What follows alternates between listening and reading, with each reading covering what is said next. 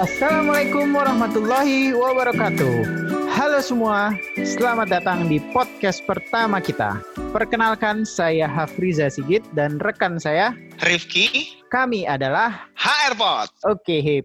Hip, coba jelaskan kenapa namanya kita itu HRPod. Jadi memang HRPod ini tercipta karena kita ini ahli hisap modern. Di mana kita ahli modern yang menggunakan pot pot system dalam dalam penggunaan vape. Nah, kemudian nih kita juga berkecimpung di dalam dunia HR gitu. Selain okay. dari itu, HR sendiri itu ada maknanya. Jadi H-nya itu adalah Hafriza, R-nya itu adalah nama Rifki, maka disebutlah itu HR pot. Begitu.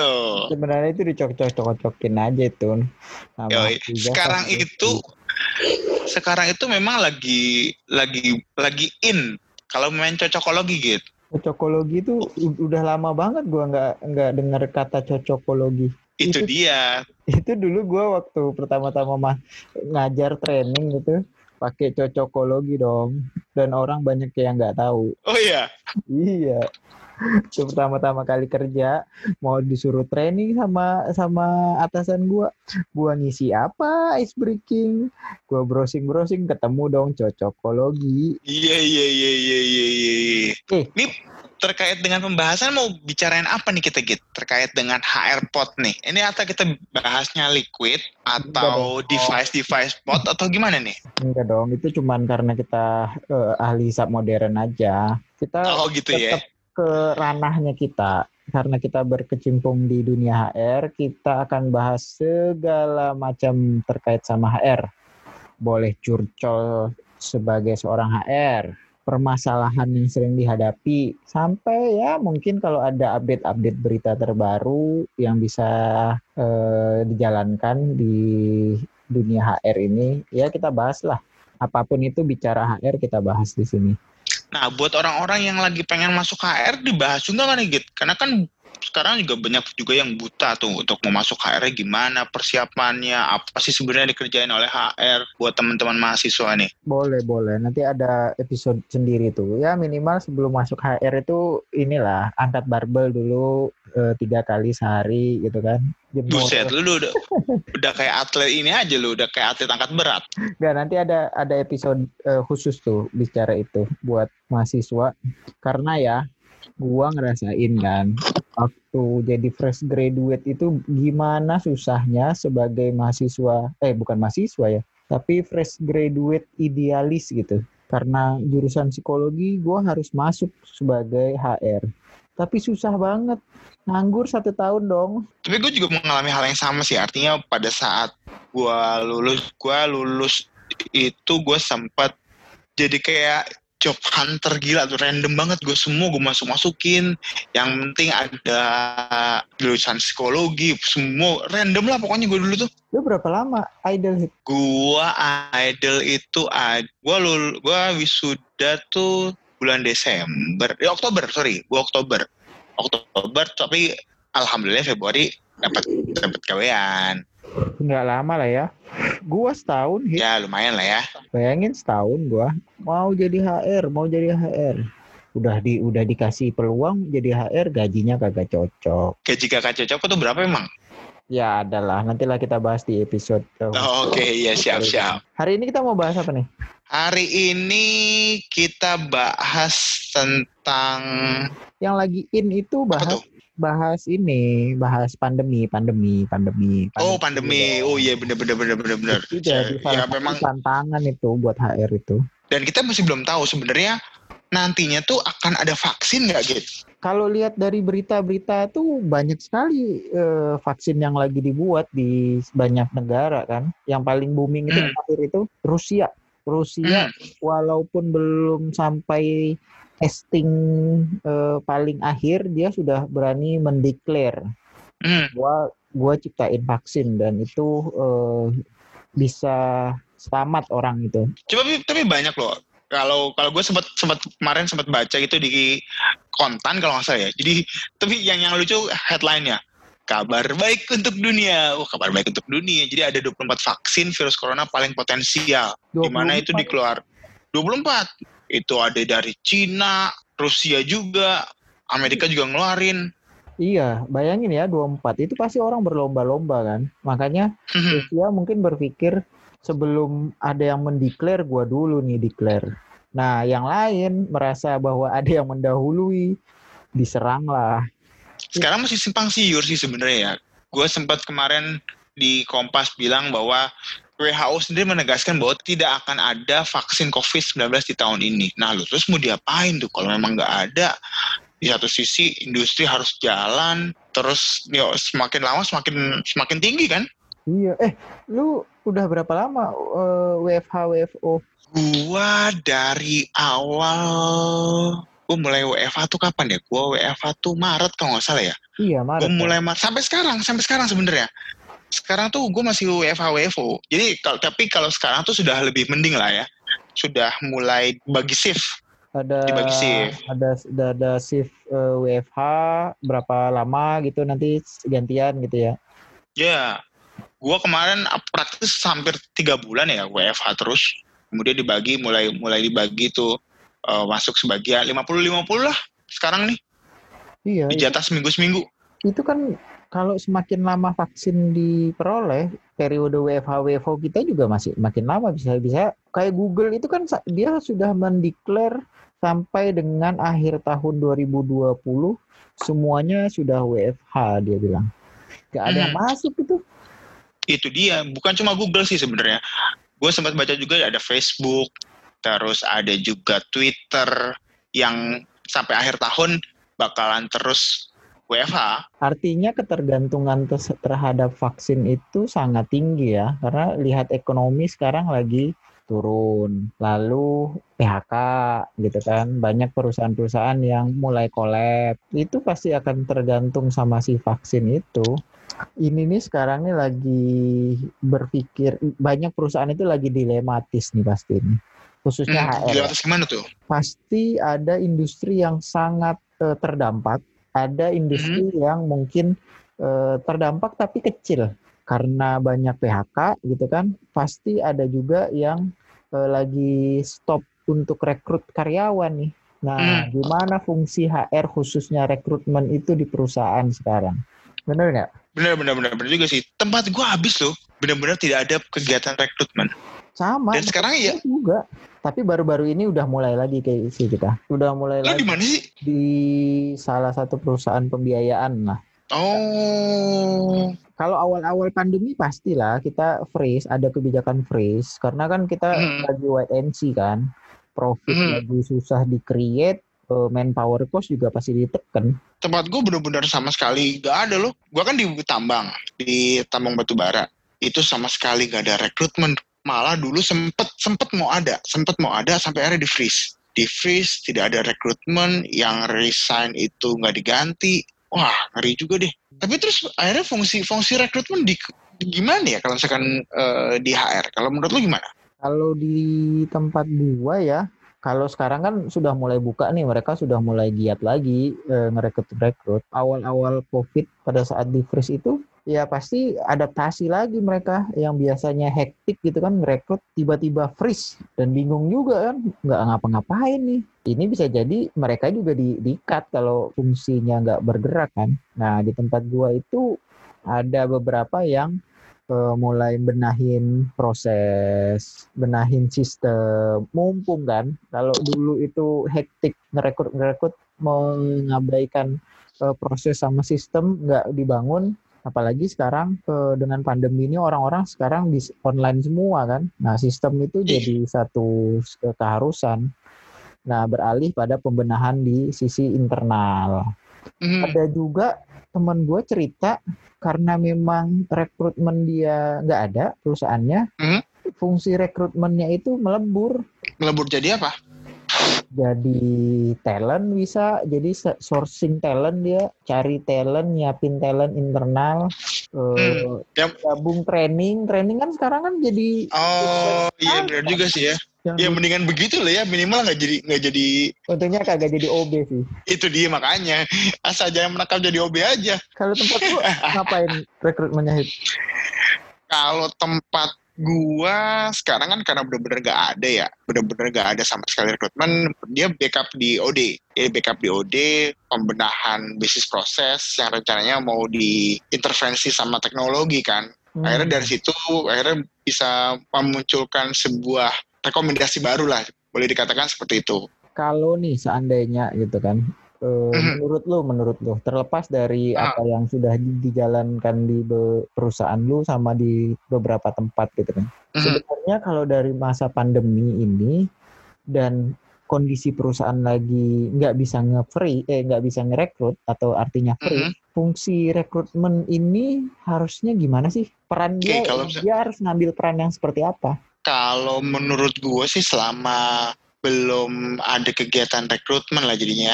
Mungkin boleh jadi bisa diarahkan menjadi sekarang kan lagi lagi bukan lagi ngehit sih cuma eh, banyak redaksinya kan perannya berubah nih jadi talent acquisition nih. Ya, peran rekrutmen boleh boleh jadi menja- bisa bisa jadi ngambil dari talent talent dari dalam ya. Talent dari dalam karena kan talent itu bukan cuma dari luar bisa juga dari dalam. Dia dia mapping dia scouting ke masing-masing lini-lini lini bisnis kalau memang ada ada lini bisnisnya atau ada banyak departemen sehingga bisa memproyeksikan untuk mengisi posisi-posisi kalau memang ada yang butuh gitu. ya, Nah ya. kalau tempat lu gimana emang? Ya kalau menurut gue juga gitu sih, karena kan gini, satu ya kemungkinan pertama yang bisa diambil. Kalau kita lihat di beberapa company nama rekrutmen itu sudah sangat sangat sangat sangat jarang dipakai lagi kan. Iya betul. Eh, rekrutmen departemen head, wah udah jadul banget itu. Itu dia. Kebanyakan itu udah mulai pakai eh, talent acquisition.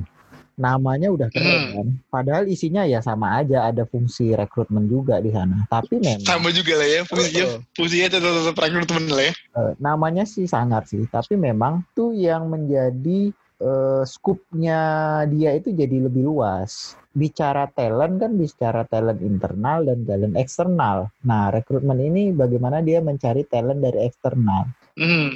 Yang internalnya juga bisa jalan. Sehingga mungkin kalau opsi pertama yaitu fungsi rekrutmen itu menjadi talent acquisition dia.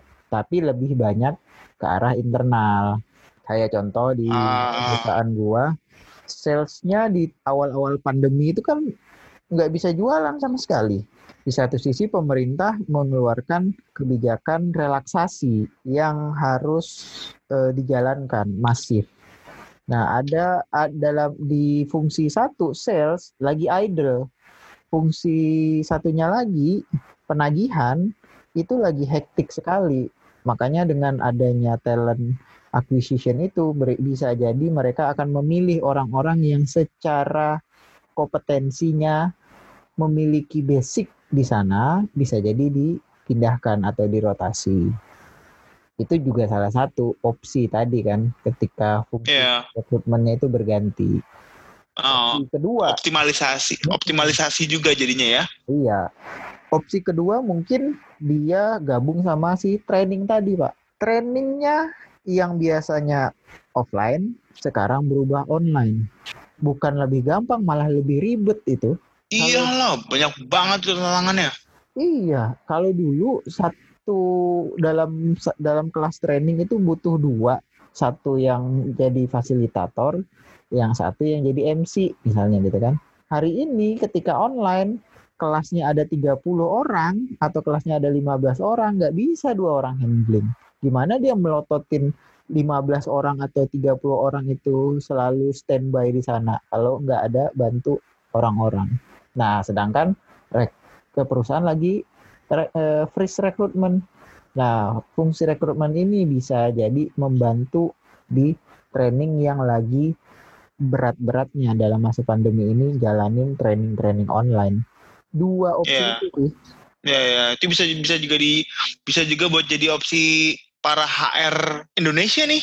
Iya, bisa jadi itu. Ya minimal mereka tetap masih bisa ada ada aktivitasnya lah ya, ada fungsi yang lebih strategik bukan cuma ya tukang ngepel kayak OB kan.